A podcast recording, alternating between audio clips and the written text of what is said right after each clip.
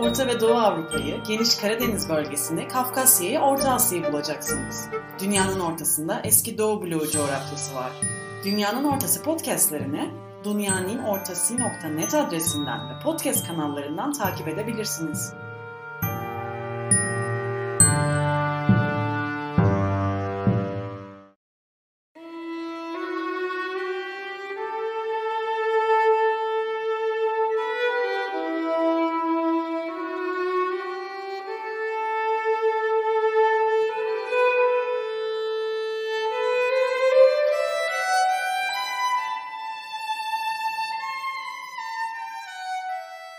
Kader hariç her şeyi aldılar.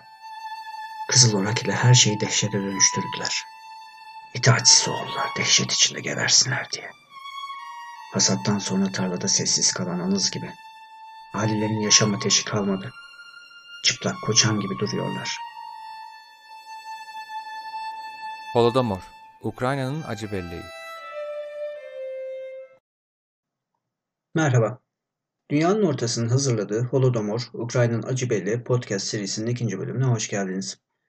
İlk başta küçük bir hatırlatma yapalım. Holodomor, Ukrayna'nın Acı Belli podcast serisine çarşamba günü serinin tanıtım kaydıyla başladık. O kayıtta öncelikli olarak Holodomor'a ilişkin genel bir çerçeve çizdik ve yayınlayacağımız podcast serisi hakkında kısaca bilgi verdik. Bu bölümde ise Holodomor diye anılan felaketin ne olduğunu ele alacağız. Tanıtım kaydımızda belirttiğimiz gibi Holodomor 1932-1933 yıllarında Ukrayna'da yaşanan büyük açlık felaketine verilen ad. Holodomor kelimesi iki kelimeden oluşuyor. Holod kelimesi kıtlık veya açlık anlamına, mor kelimesi ise toplu ölüm veya salgın hastalık anlamına geliyor. Holodomor kelimesi Türkçe'ye açlık ile ölüm veya açlık ile öldürme olarak çevriliyor. Peki bu yıllarda 1932-1933 yıllarında dönemin Ukrayna Sovyet Sosyalist Cumhuriyeti'nde neler oldu? Neler yaşandı? 1932-1933 yılları arasında açlık nedeniyle Ukrayna'da milyonlarca insan yaşamını kaybetti. Tabii ki hayatta kalanların yaşadıkları trajediler, bunların neden olduğu travmalar söz konusu. Yetim kalan çocuklar, çocuklarını kaybeden anneler, bedenen veya zihnen sakat kalan insanlar mevzu. Açlık nedeniyle yamyamlık vakalarının dahi yaşandığı ifade ediliyor. Ne kadar insanın öldüğü konusunda kesin bir rakam söz konusu değil. 2 ila 10 milyon arasında rakamlar ifade ediliyor. Bunlar arasındaki büyük fark çarpıcı.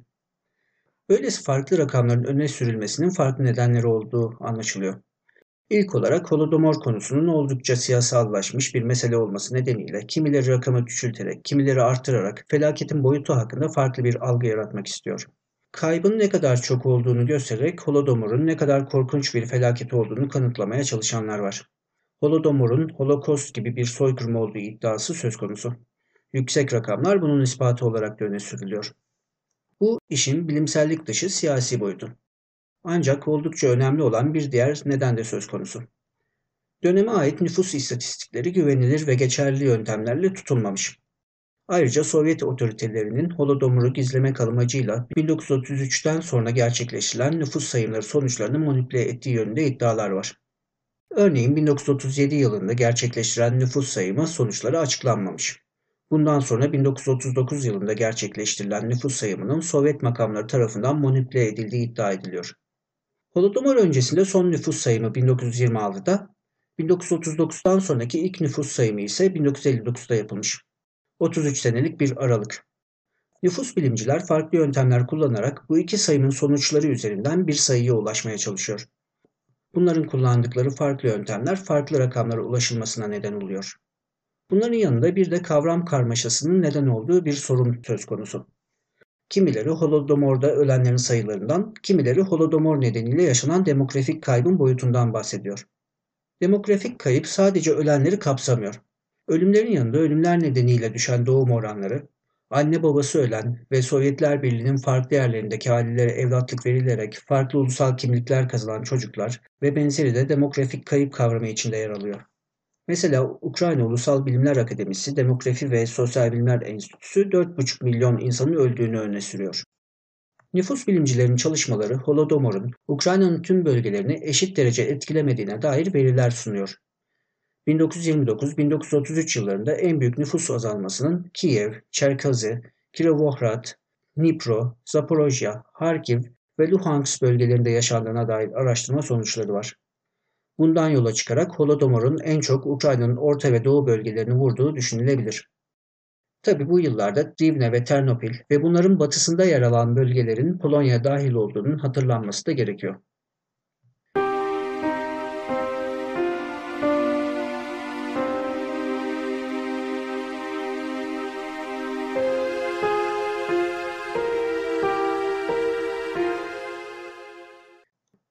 Peki Holodomor'un yaşandığı bağlam nasıl bir bağlamdı? Bağlamdan kastımız o dönemde Ukrayna'daki ekonomik, sosyal, siyasi koşullar. Bağlam konusu oldukça önemli. Holodomor'un ne olduğunu, neden olduğunu anlamak için bağlamın bilinmesi gerekiyor. İlk olarak Ukrayna'daki bağlamı Sovyetler Birliği'ndeki bağlamın içine oturtmamız gerekiyor. Bağlamı ortaya koymak için kısaca tarihsel arka plana değinmek yerinde olacak. Kasım 1917'de Bolşevik devrimi gerçekleşti. Sonra 1918-1921 yıllarında Bolşevikler, eski rejim yanları, farklı siyasi akımlar ve milliyetçi hareketlerin karşı karşıya geldiği bir iç savaş dönemi yaşandı. Bu dönem oldukça karmaşık, herkesin herkesle savaştığı çok yıkıcı bir dönemdi. Bu dönemde 1917-1920 arasında bağımsız bir Ukrayna devleti de ilan edildi. Ancak sonrasında Bolşevikler Ukrayna üzerinde hakimiyet sağladı. Rus Çarlığı zaten oldukça geri kalmış bir ülkeydi. Ekonomisi tarıma dayalıydı. Bolşevik devrimi ve sonrasındaki iç savaş bu süreç sonrasında ortaya çıkacak olan Sovyetler Birliği'ne mahvolmuş bir ülke bırakmıştı. Bunun yanında Bolşeviklerin ülkede sosyalizmi kurmak gibi bir hedefi de vardı. İç savaş sırasında savaş komünizmi denen bir ekonomi politikası izlendi. 1921'de iç savaş bittiğinde ülkedeki ekonomik çöküntü Lenin'i yeni ekonomi politikası diye anılan bir ekonomik modeli hayata geçirmeye zorladı. Bu, sosyalist ekonomiyle serbest pazar ekonomisinin belli ölçülerde bir arada yürütüldüğü bir model. Tabii ki Lenin bu modeli zorunluluktan uyguladı. Bu ekonomi modeli sayesinde ülkedeki ekonomik durum biraz düzeldi. 1924'te Lenin öldü ve başa Stalin geçti. 1928'de yeni ekonomi politikası terk edilerek merkezi planlı ekonomiye geçildi. Bu model devlet güdümlü ekonomi veya komute ekonomisi olarak da adlandırılıyor. Bundan böyle tüm ekonomi ve maliye politikaları Kremlin'den belirlenerek Sovyet Cumhuriyetlerine ve yerelliklere dayatılmaya başlandı. Cumhuriyetlerin ve yerelliklerin görevi Kremlin'in belirlediği hedefleri yerine getirmekti. Merkezi planlı ekonominin hedefi esasen bir tarım ülkesi olan Sovyet ülkesinin hızla sanayileştirilmesiydi. Bu arada Lenin dönemi için şunları da eklemek gerekiyor. Lenin Rus şovenizmini Sovyet rejimi için bir tehlike olarak görmekteydi. Buna bağlı olarak birlik içindeki farklı ulus ve halklara verilecek ulusal, kültürel ve diğer hakların ve özelliğin farklı ulus ve halkların Sovyetleşmesini hızlandıracağını düşünüyordu. Bu nedenle 1919-1923 yıllarında kolonizasya yani yerlileşme politikasını uyguladı. Bu kapsamda enternasyonalizm de Sovyetlerin önemli bir yaklaşımı ve sloganı oldu. Bu yıllar birlik içindeki ulus ve halkların en özgür olduğu dönemdi. Stalin'le birlikte söz konusu olan değişim sadece ekonomiye ilişkin planlar değildi. Stalin ve Lenin arasında fikirsel ayrılıklar vardı. Mesela Stalin yerleşme politikasının Rus şovenizminden daha tehlikeli bir politika olduğunu düşünüyordu. Bu nedenle Lenin hastalandıktan sonra iktidarı fiilen ele geçiren Stalin bu politikaya bir son vererek siyasi ve sosyal alanlarda da merkezileşmeyi getiren bir politika yürüttü. Öte yandan Lenin'in beklediği batıdaki gelişmiş kapitalist ülkelerde sosyalist devrimlerin gerçekleşmemesi de önemli. Bu beklentinin gerçekleşmemesi Stalin'in tek ülkede sosyalizmi inşaya yöneltti. Bu çizgideki Stalin'in geldiği son nokta Rus şovenizmi oldu. Yani Lenin'den Stalin'e geçiş, yerleşme, internasyonalizm ve dünya devrimi perspektifinden Rus şovenizmine ve tek ülkede sosyalizm perspektifine bir geçiş oldu. Sonuçta Stalin'in iktidara gelmesiyle her alanda güçlü bir merkezileşme sürecine girildi. Stalin sosyalizmi kurabildi mi? Norman Stone'un sözlerini tekrar edersek Sovyet Sosyalist Cumhuriyetler Birliği'nde ne Sovyetler, ne sosyalizm, ne cumhuriyetler ne de birlik söz konusuydu. Sovyet Sosyalist Cumhuriyetler Birliği Stalinist bürokratik bir diktatörlük haline geldi. Aslında Leninist model Sovyet sosyalizmi 1991'de değil 1924'te çöktü.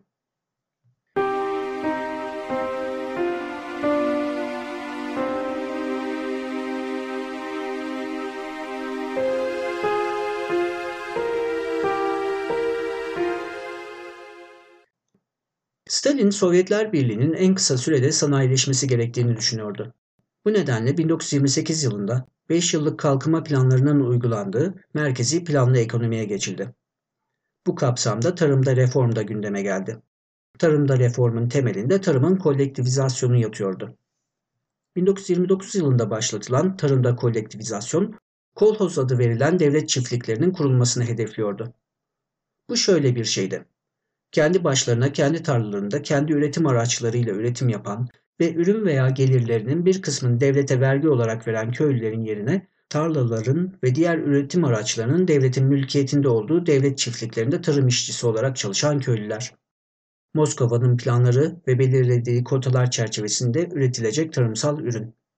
Sovyet yetkililer bu modelin üretimi artıracağını düşündüler. Böylelikle hızlı bir şekilde sanayileşme sağlanabilecekti. Ukraynalı araştırmacılar Ukraynalı köylülerin Rus köylülerden farklı olarak kolektivizasyona büyük direnç gösterdiğini söylüyorlar. Yine de 1931 yılının sonbaharında Ukrayna'daki çiftliklerin %68'inin ve işlenebilir toprakların %72'sinin kolektivize edildiği görülüyor. Bu süreçte zengin köylüler olan kulaklar da büyük oranda tasfiye ediliyor. Tabii bu noktada Sovyetlerin 3-5 tavuğu, 2-3 ine olan köylüleri kulak olarak kodladığını belirtmek gerekiyor.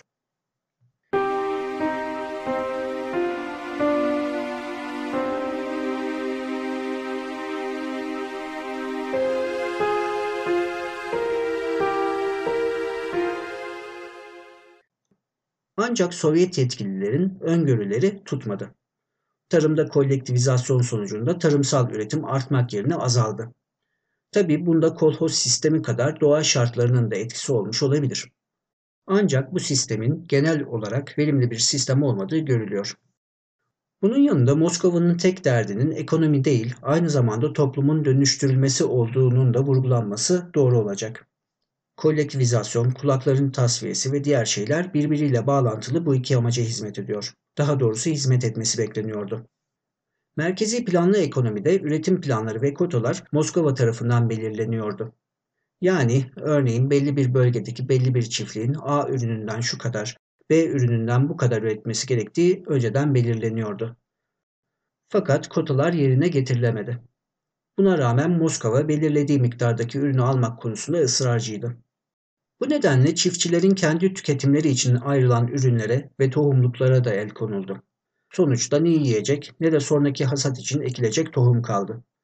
Böylece bir kısır döngü ortaya çıktı. Planlanan kadar üretim yapılamadı. Kotaları tamamlamak için köylünün yiyeceği ürün ve tohumluklara el konuldu. Aç kalan köylü tarlada verimli çalışamadı. Ayrıca ürettiği ürüne el konulacağını bilen köylü çalışmaktan da imtina etti. Tohumluk olmadığı için yeterli ekim yapılamadı ve bu böyle devam etti. Kıtlık bu nedenle ortaya çıktı. 1930 yılından itibaren kriz derinleşti. Bu süreç 1932-1933 açlığına kadar devam etti. Yani Holodomor'a sebep olan şeyin yanlış ekonomi ve tarım politikaları olduğu söylenebilir. Ama meselenin sadece ekonomi politikası olmadığı da akla geliyor. Konunun ideolojik siyasi boyutu da var. Az önce söylediğimiz gibi Sovyet yetkilileri ekonomi, toplum, kültür ve siyaseti kapsayan bir model, bir Sovyet toplumu yaratmak uğraşındaydı. Meselenin bu ideolojik siyasi boyutu da önemli.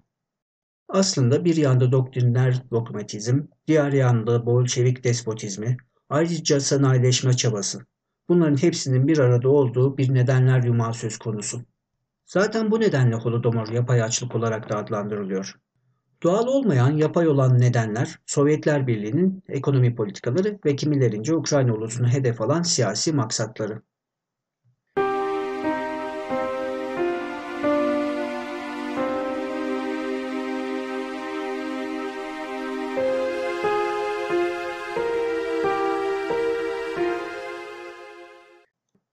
1932-1933 açlığının Holodomor olarak adlandırıldığını belirtmiştik. Aslında bu yanıltıcı bir adlandırma. Ukrayna'daki 1932-1933 açlığının iki dönemi veya aşaması var. Holodomor esasen ikinci dönem veya aşamada olan şey. 1932-1933 açlığının ilk aşaması 1932 yılında yaşanan açlık. Bu yılki açlığın birlik çapında yaşanan açlıkla aynı niteliklere sahip olduğu, sebebinin Moskova'nın az önce özetlemeye çalıştığım ekonomi politikaları olduğu düşünülüyor. Ukraynalı tarihçilerin büyük bölümü de bu şekilde düşünüyor. Bu noktada akla gelebilecek bir soru, Kremlin'in yaşanan açlıktan haberinin olup olmadığı olabilir.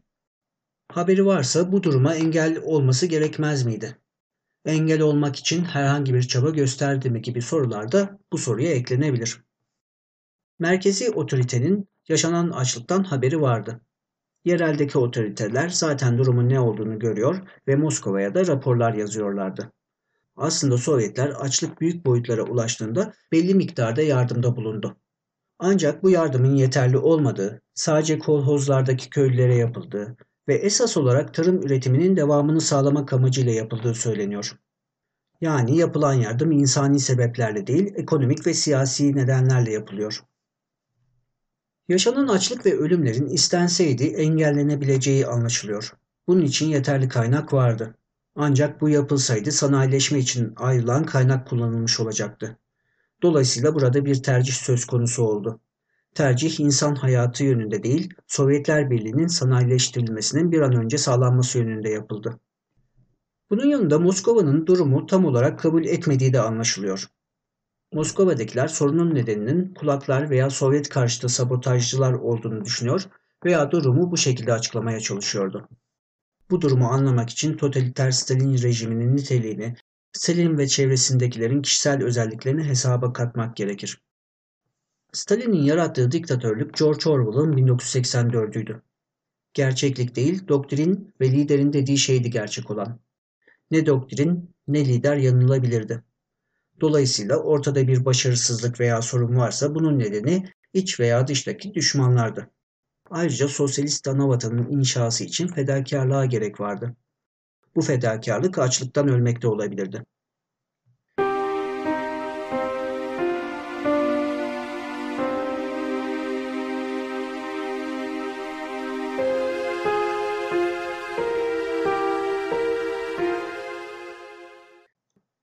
Ukrayna'daki açlığın ilk aşaması 1932 yılında yaşanan açlıktı. Bunu zaten ifade etmiştik.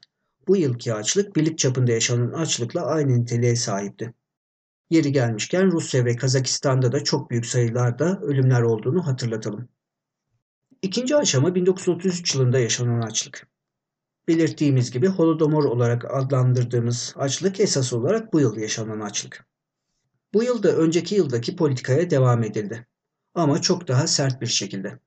Sovyet yetkilileri sadece Ukrayna köylüsünün elindeki son buğday tanesini almakla yetinmedi. Her türlü yiyecek maddesine de el koydu. Bu önemli bir nokta. Maksat tarım üretim kotalarını doldurmaksa bunlar dışındaki yiyeceğe neden el konuldu? Açlık çeken köylünün çalışması nasıl bekleniyordu? Burada cezalandırma ve bu yolla hizaya sokma konusu karşımıza çıkıyor. Kotaları dolduramayanların cezalandırılması. Kotalarda olmuyorsa siz de aç kalacaksınız mesajı. İtaat etmiyorsanız öleceksiniz mesajı. 1932'de açlık çekenlerin yiyecek bulmak için farklı yerlere gitme imkanı vardı. 1933 yılında seyahat yasakları geldi. İnsanların yaşadıkları yerlerden ayrılmaları yasaklandı. Ayrılanlar ağır şekilde cezalandırıldı. Seyahat yasağı Holodomor'un soykırım olduğu tezini savunanlar tarafından çokça vurgulanıyor insanların açlığa mahkum edilmesi olarak açıklanıyor. Ancak bu yasağın üretimin durmasının önlenmesi maksızlığıyla uygulandığı da düşünülebilir. Tabii ki 1933 yılında yaşanan açlık hakkında farklı görüşler de söz konusu. Bir kısım araştırmacı bu yılki açlığın da esasen birlik çapında izlenen ekonomi politikalarının bir sonucu olduğunu düşünüyor ve 1932 açlığı gibi birlik çapında yaşanan açlıktan farklı bir niteliğe sahip olmadığını söylüyor. Bu kapsamda Kazakistan ve Rusya'daki açlığa vurgu yapılıyor. Bunlar doğal olarak Holodomor iddiasını da reddediyor. Ayrıca az önce bahsettiğim yardım konusu da bu çerçevede hatırlatılıyor. Diğerleri Holodomor iddiasını gündeme getiriyor. Bunlar 1933'te Ukrayna'da yaşanan açlığın birlik çapındaki açlıktan niteliksel olarak farklı olduğunu söylüyor. Konuya bu çerçevede yaklaşanlar 1933 açlığının siyasi nedenlerinin olduğunu sanıyor ve bu çerçevede bir tartışma yürütüyor. Bu gruptakiler 1933 açlığının Kremlin'in Ukrayna ulusundan intikam alma, Ukraynalılara ders verme amacının bir neticesi olduğunu iddia ediyor. Bunun bir uzantısı olarak maksadın Ukrayna ulusunun yok edilmesi olduğunu söyleyenler de var. Ve bunlar bu grup içinde çoğunlukta. Aslında bu iki görüş arasında sınırların çok net olmadığını da söylemek gerekiyor. Bundan kastımız ne? Holodomor'un siyasi nedenlerle yaratılmış bir açlık ve felaket olduğunu söyleyenler genelde kavramları birbirine karıştırarak bunları ifade ediyor. Bunun bilinçli mi yapıyorlar bilemiyorum. Ama sonuçta böyle bir tablo söz konusu. Ukrayna ulusuna ders vermek, intikam almak, yok etmek niyetleri aynı makalede veya sunumda bir arada ifade ediliyor. Ancak bunlar farklı şeyler, farklı siyasi motivasyonlar. Hukuk diliyle konuşmak gerekirse farklı mensreyalar yani farklı kasıtlar. Farklı kişiler farklı şekilde detaylandırsalar da genel çerçeve üst anlatı şu şekilde. Rusya Çarlık döneminde de Sovyet zamanında da Ukraynalı ulusunu yok etmeye çalıştı. Çünkü Ukraynalılar her zaman Moskova karşıtı veya Moskova'ya sorun yaratan bağımsızlıklarına düşkün bir ulustu. Ukrayna Sovyetler Birliği'nin yaşayabilmesi için çok önemli bir ülkeydi. Bolşevikler Ukrayna olmadan Sovyetler Birliği olamazdı diye düşünüyorlardı. Bolşevikler 1917-1920 Ukrayna devrimine, bağımsız Ukrayna deneyimini ve sonrasındaki köylü isyanlarını hiç unutmadılar. Ukrayna bağımsızlıkçılığına hem tepki duydular hem de bundan korktular. 1920-1921'den sonra da Ukrayna'da güçlü bir milliyetçilik ve Bolşevik karşılığı vardı. Bolşevikler hem 1920'nin intikamını almak hem de Ukrayna'daki bağımsızlıkçılığı yok etmek için Holodomor'u düzenlediler. Bu çerçevede Ukrayna bağımsızlıkçılığının yok edilmesinin yolu olarak Holodomor'u düzenlemek yoluyla ders vermek ve Ukrayna ulusunu yok etmek argümanları genelde birbiri içine geçiyor. Dediğimiz gibi ana akım Holodomor literatüründe nedenler hakkında bazı muğlaklıklar var. Farklı nedenler birbirlerine karıştırılarak öne sürülüyor. İntikam almak, ders vermek, yok etmek. Bunlar genelde yok etme niyetine bağlanıyor.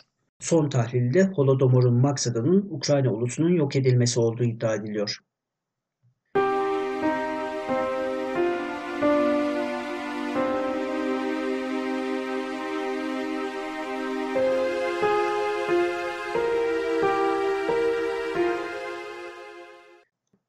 Aslında Ukrayna ulusunun yok edilmesi derken iki şeyden bahsediliyor.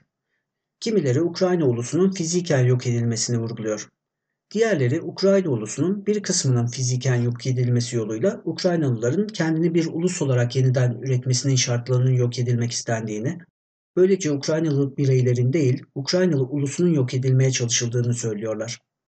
Ukraynalı ulusunun kendi bir ulus olarak yeniden üretme şartları ortadan kalktığında Ukrayna'da doğup yaşayan Ukraynalılar olacak ancak bunlar bir ulus niteliğine sahip olmayacaklardı. Zaten Holodomor'un bir soykırım olduğu iddiası da bu şekilde ortaya çıkıyor. Az önce ifade ettiğimiz siyasi hedefin bu olduğu iddia ediliyor. Ancak şunu da söylemek gerekli olacak. Holodomor sadece ekonomik değil, siyasi nedenlerle meydana getirilmiş olabilir. Ancak siyasi nedenler olduğunu düşünmek, Holodomor'un illaki bir soykırım olduğu sonucuna varmayı zorunlu kılmıyor. Holodomor'un bir soykırım olduğu iddiası üzerinde biraz daha durmakta fayda var. Holodomor'un bir plan çerçevesinde Ukrayna ulusunu yok etmek maksadıyla hayata geçirildiği tezi ortaya atılınca soykırım tezinin öne sürülmesinin zemini hazırlanmış oluyor.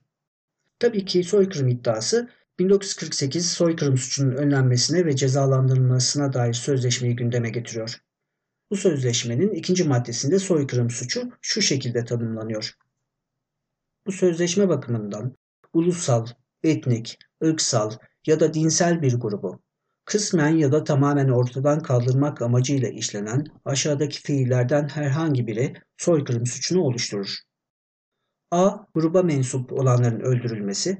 B. Grubun mensuplarına ciddi surette bedensel ya da zihinsel zarar verilmesi.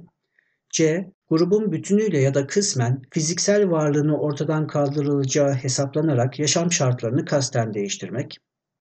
D. Grup içinde doğumları engellemek amacıyla önlemler almak. E. Gruba mensup çocukları zorla bir başka gruba nakletmek. Burada dikkati çeken bazı şeyleri vurgulamak yerinde olacak. İlk olarak bu maddede geçen ulusal, etnik, ırksal ya da dinsel grup belirlemesi nedeniyle eğer Stalin Ukraynalı köylüleri bir sınıf olarak ortadan kaldırmak istemişse Holodomor tanım gereği soykırım olarak nitelendirilemez. Bundan dolayı soykırım tezini savunanlar Ukrayna köylülüğünü Ukrayna ulusunun veya etnisitesinin varlığını veya devamını sağlayan ulusal veya etnik bir grup olarak tanımlıyorlar.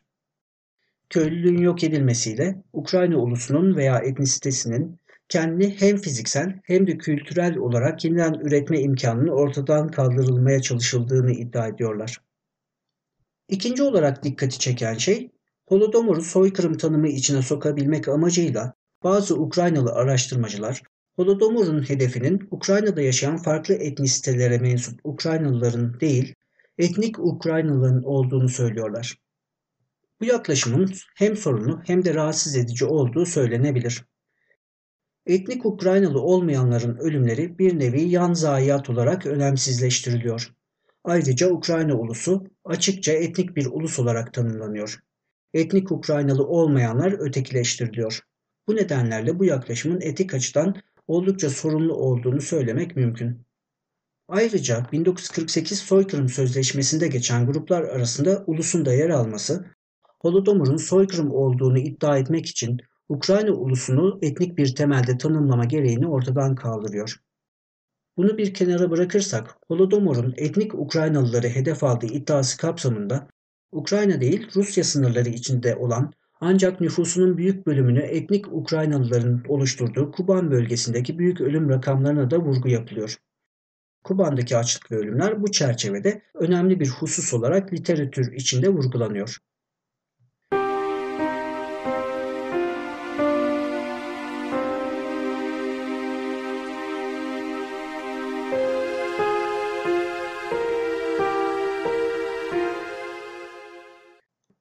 Holodomor'un soykırım olduğu teziyle ilgili olarak dikkati çeken bir başka hususa daha değinmek gerekebilir. Bu tezi savunan bazı kişiler 1948 soykırım sözleşmesi kapsamında Holodomor'un hukuken bir soykırım sayılmasının zorluklarının farkında gibi görünüyor. Örneğin 2017'de yayımlanan Red Famine, Stalin's War on Ukraine başlıklı çalışmanın yazarı Anne Applebaum, 28 Eylül 2017'de Londra'daki Ukrayna Enstitüsü'ndeki kitap tanıtım toplantısında bununla ilgili bir soruya 1948 soykırım sözleşmesi çerçevesinde Holodomor'un hukuken bir soykırım olarak tanımlanmasının mümkünatı konusunda kuşkuları olduğunu belirten bir cevap veriyor. Zaten 1948 soykırım sözleşmesi hakkında pek çok tartışma söz konusu. Holodomor'un soykırım olduğunu savunanların asıl referans noktası soykırım terimini ortaya atan Rafael Lemkin. Holodomor tartışmalarında Lemkin adı sıklıkla ifade ediliyor. Lemkin soykırım terimini ilk kez ortaya atan kişi. Bu terimin isim babası. Soykırımın bir suç olarak uluslararası hukuka dahil olması için en çok çaba harcayan kişilerden. 1953 yılında New York'ta yaptığı bir konuşmada Holodomor'u klasik bir Sovyet soykırımı olarak tanımlıyor. Yine de hiç unutulmaması gereken şey soykırımın 1948 soykırım sözleşmesinde tanımlanan hukuki bir terim, bir suç oldu. Lemkin'in önerdiği soykırım tanımı ile 1948 soykırım sözleşmesinde yapılan tanım farklı. Lemkin soykırım terimini 1948 soykırım sözleşmesinde olduğundan daha geniş bir şekilde tanımlıyor. Hukuken geçerli olan sözleşmedeki tanım. Dolayısıyla Lemkin'in ne soykırım tanımının ne de neye soykırım deyip demediğinin hukuken bir önemi veya geçerliliği var.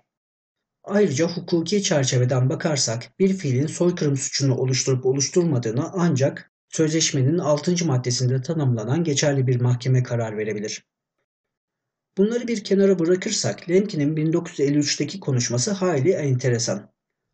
Günümüzde Holodomor'un bir soykırım olduğunu savunan kişilerin vurguladıkları bazı önemli noktalar bu konuşmada geçiyor.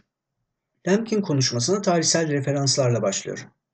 Burada dikkat çeken şey yalnızca Sovyetler Birliği'ni değil Çarlık Rusyası'nı da soykırımcı olarak nitelemesi. Hatta Korkunç İvan'ın toplu katliamlar gerçekleştiren SS birliklerinden bahsediyor. Tabi SS birliklerini tırnak içinde kullanıyor ama benzetme ilginç.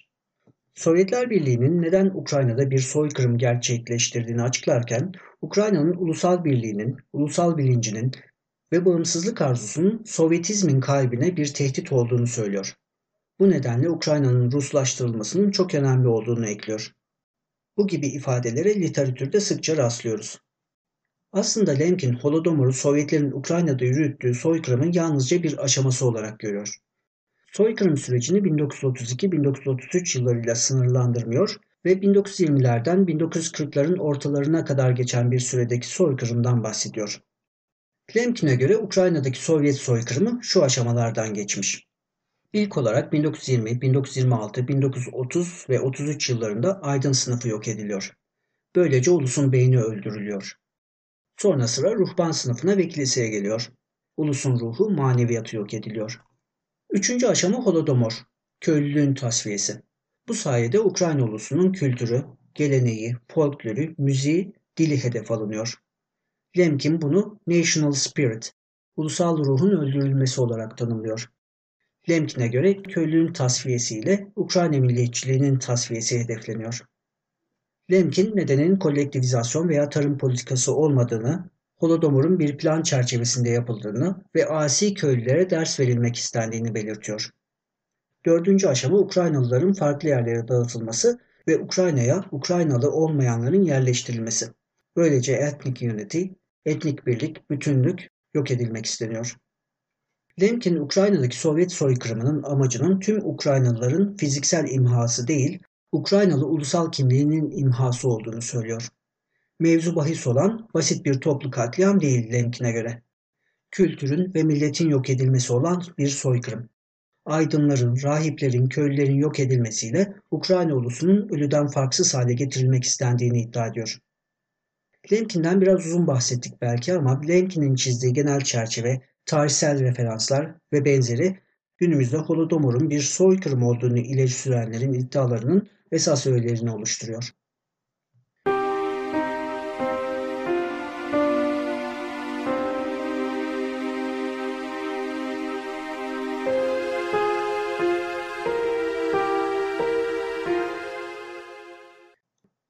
Az önce Holodomor'un siyasi nedenleri olduğunu düşünmenin illaki bir soykırım olduğunu söylemeyi gerektirmediğini söylemiştik. Belki bunu biraz açıklamak gerekiyor. Holodomor yapay, engellenebilir bir felaketti. Stalin ne birlik çapındaki açlığı ne de Ukrayna'daki açlığı engellemeyi tercih etti.